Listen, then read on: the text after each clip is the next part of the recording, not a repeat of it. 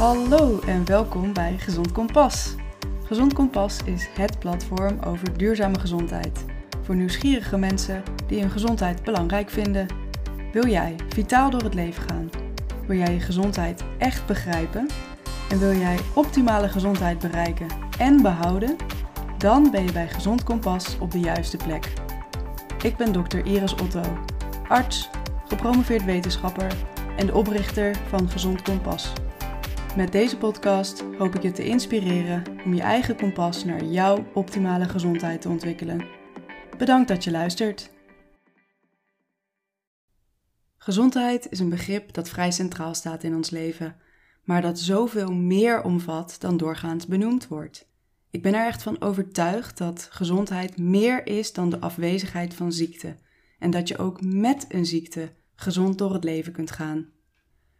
Al sinds mensheugenis wordt er gefilosofeerd over de betekenis en omvang van gezondheid. Zo had Plato het over a healthy mind in a healthy body en is een van de beroemdste citaten van Hippocrates: Let food be thy medicine. Zowel in de oude Griekse leer als de Oosterse geneeskunst werd gezondheid gezien als een harmonieuze balans tussen het fysieke, het mentale, het sociale en de omgeving. Toen de industriële revolutie kwam, werd gezondheid echter een economisch goed. Een goede gezondheid, in de zin van goede lichamelijke gesteldheid, betekende dat je kon werken en kon produceren. Ziekte en gebrek maakten een persoon ongeschikt en minder waard. En helaas zit die onbewuste overtuiging nog diep in onze samenleving. Tot voor kort was gezondheid slechts een collectieve perceptie. Gezondheid blijkt een fluïde concept dat meebeweegt met maatschappelijke gebeurtenissen en gemeenschappelijke waarden. Maar in 1948 zette de Wereldgezondheidsorganisatie, de WHO, het met pen op papier. Gezondheid is een staat van volledig lichamelijk, geestelijk en sociaal welzijn en niet alleen de afwezigheid van ziekte of gebrek. Toenertijd was dit baanbrekend, want het haalde de focus van fysiek welzijn af door het includeren van de mentale en sociale aspecten van gezondheid. Toch doet deze definitie tekort aan het concept gezondheid. Verscheidene wetenschappers, filosofen en journalisten hebben harde kritiek geuit op de formulering van de WHO, maar er is tot nog toe niets aan veranderd. In 2009 deed het vooraanstaande wetenschappelijke blad The Lancet een poging om de definitie van gezondheid aan te passen. In een redactioneel stuk werd beargumenteerd dat het fysieke, het mentale en het sociale inderdaad belangrijke aspecten van gezondheid zijn, maar dat gezondheid niet los kan staan van omgevingsinvloeden. Gezondheid is niet statisch, het is dynamisch. De betekenis ervan verschilt voor elk individu en verandert continu afhankelijk van factoren binnen het individu en die zich in de omgeving afspelen. Het vermogen om zich daaraan aan te passen, om zo nog steeds het meeste uit het leven te halen, is wat volgens de Franse filosoof Georges Calguiem en vervolgens ook volgens de Lancet de basis van gezondheid is. En dat idee is helemaal van deze tijd. We leven in een tijd waarin chronische ziekten zo'n 60% van de totale Nederlandse gezondheidszorg in beslag nemen. Volgens de definitie van de WHO, waarin het gaat om volledig welzijn, zou je bij een chronische aandoening, of dat nou diabetes of vitiligo of een chronisch verstopte neus is, per definitie niet meer gezond kunnen zijn. En dat schiet bij velen in het verkeerde keelgat. Het medicaliseert de maatschappij en maakt van gezondheid een bijna onhaalbaar doel. In een ander vooraanstaand wetenschappelijk blad, de British Medical Journal, werd in 2011 onderstreept dat het vermogen om zich aan te passen en zichzelf te beheren, dus ook wel regie te houden, een belangrijker onderdeel is van gezondheid dan puur de afwezigheid van ziekte of gebrek. En hier wordt weer teruggegrepen naar de ideeën uit de oudheid, namelijk dat gezondheid een balans is tussen verschillende domeinen die continu in beweging zijn. Het probleem met de definitie van de WHO is dat het een definitie is. Een handjevol woorden die gegraveerd staan en die decennia lang worden geciteerd en aangenomen als de waarheid. Ondanks alle kritieken is er sinds 1948 niets veranderd aan die woorden en worden er maatschappijen, economieën en levens op ingericht. Gezondheid kan beter gezien worden als een diepgaand en dynamisch concept dat verscheidene facetten omvat en gedurende het leven van een individu verschillende betekenissen kan aannemen. Gezondheid is dus niet de afwezigheid van ziekte of gebrek en het is ook geen volledig welzijn. Wat is gezondheid dan wel? Het is een relatieve toestand, een dynamisch proces dat balans zoekt. Gezondheid zit verweven in allerlei aspecten van het leven van persoonlijk en familie tot werk en gemeenschap.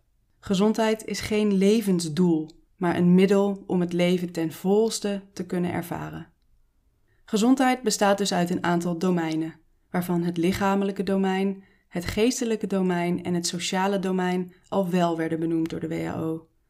Daarnaast is de omgeving dus een belangrijk domein en ook worden steeds vaker de emotionele en spirituele domeinen benoemd. En sommigen argumenteren dat ook het financiële domein een essentiële rol speelt in gezondheid. En als deze domeinen met elkaar in balans zijn, dan is er sprake van optimale gezondheid. Ik zal kort deze domeinen van gezondheid bespreken. Bij fysieke gezondheid werken de lichaamsfuncties en processen optimaal. En binnen onze maatschappij ligt hier grote focus op. We weten dat we regelmatig moeten bewegen, goed moeten eten en voldoende moeten slapen. Een gezond lichaam kan in veranderende omstandigheden de gewenste balans behouden. We zoeken en krijgen medische hulp wanneer die balans in het lichaam zoek is, dus wanneer ziekte zich aandient. Geestelijke gezondheid is emotioneel, psychisch en sociaal welzijn. Het is niet slechts de afwezigheid van psychisch dysfunctioneren, maar ook het vermogen om van het leven te genieten, tegenslagen en moeilijke ervaringen te verwerken en evenwicht te behouden tussen de verschillende elementen van het leven. Het domein omgeving en sociale gezondheid is eigenlijk een vergaarbak van allerhande belangrijke aspecten van gezondheid. Onder andere het milieu, waar hygiëne en vervuiling onder vallen, de kwaliteit van relaties, sociale omgang en cultuur, opleidingsniveau, arbeid, socio-economische status en financiële zekerheid, toegang tot zorg en ook leefstijlkeuzes en stress. En ook de mate van onafhankelijkheid en participatie vallen hieronder. Spirituele gezondheid kan voor verschillende mensen verschillende dingen betekenen. Maar de beschrijving die het meest resoneert met mij is een gevoel van vervulling en tevredenheid met het leven. Onderdeel daarvan zijn onder andere iemands waarden en moraliteit, bewustzijn, kalmte en rust, zelfvertrouwen, eigenwaarde, emotioneel evenwicht, verantwoordelijkheid en bijdrage en succesvol omgaan met stress en de eisen van het alledaagse leven. Als je dit zo hoort allemaal, dan begrijp je waarschijnlijk wel waarom gezondheid gewoonweg niet te reduceren is tot een definitie van zeg één of twee zinnen. En om de boel nog even ingewikkelder te maken, gebruik ik in mijn missie nog zo'n concept: duurzaamheid. We kennen duurzaamheid vooral in de zin van zorg voor de aarde, die bijzondere planeet die wij mensen gezamenlijk aan het vernietigen zijn. Terwijl die vorm van duurzaamheid ook in het perspectief van gezondheid essentieel is, denk maar aan het domein omgeving, doel ik op de onderliggende betekenis van de term, namelijk lange levensduur. Met duurzame gezondheid bedoel ik gezondheid op de lange termijn. Levenslange gezondheid. Een leven lang gezond door het leven gaan. En daar kan ik, wat definitie betreft, verder kort over zijn. Gezondheid, dus dat dynamische proces tussen het fysieke, het mentale, het emotionele, het sociale, het spirituele en de omgeving in balans op de lange termijn. Duurzaamheid omtrent onze planeet gaat om in de behoeften van het heden te voorzien, zonder het vermogen van toekomstige generaties om datzelfde te doen in gevaar te brengen.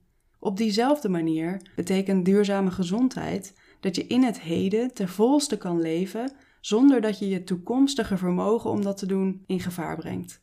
Simpeler gezegd, nu gezond en morgen, volgend jaar, over twintig jaar en als je oud bent ook.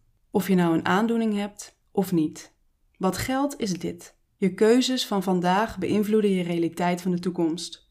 Ik denk dat je een leven lang gezond en vitaal kunt zijn als je steeds de keuzes maakt die in het moment voor jou het meest dienend zijn. En zoals ik in de vorige aflevering al zei, is het mijn missie geworden om jou daarmee te helpen. Om je eigen kompas te ontwikkelen naar duurzame gezondheid. Ik ben heel benieuwd wat gezondheid op dit moment voor jou betekent. Dus wil je me dat laten weten? Je kan me een berichtje sturen via Instagram, gezondkompas, via het contactformulier op de website gezondkompas.com of via de mail naar iris.gezondkompas.com.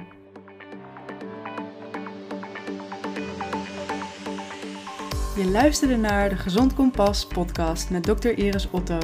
Als je deze aflevering waardevol vond, deel het dan met anderen en laat een beoordeling en een recensie achter. Dit helpt ontzettend om de podcast te laten groeien en ik waardeer je moeite heel erg. Abonneer je op dit podcastkanaal om op de hoogte te blijven van nieuwe afleveringen en volg het Gezond Kompas op Instagram. Voor alle artikelen, downloads en andere handvatten voor een duurzame gezondheid, ga naar gezondkompas.com. Nogmaals bedankt voor het luisteren en tot de volgende keer.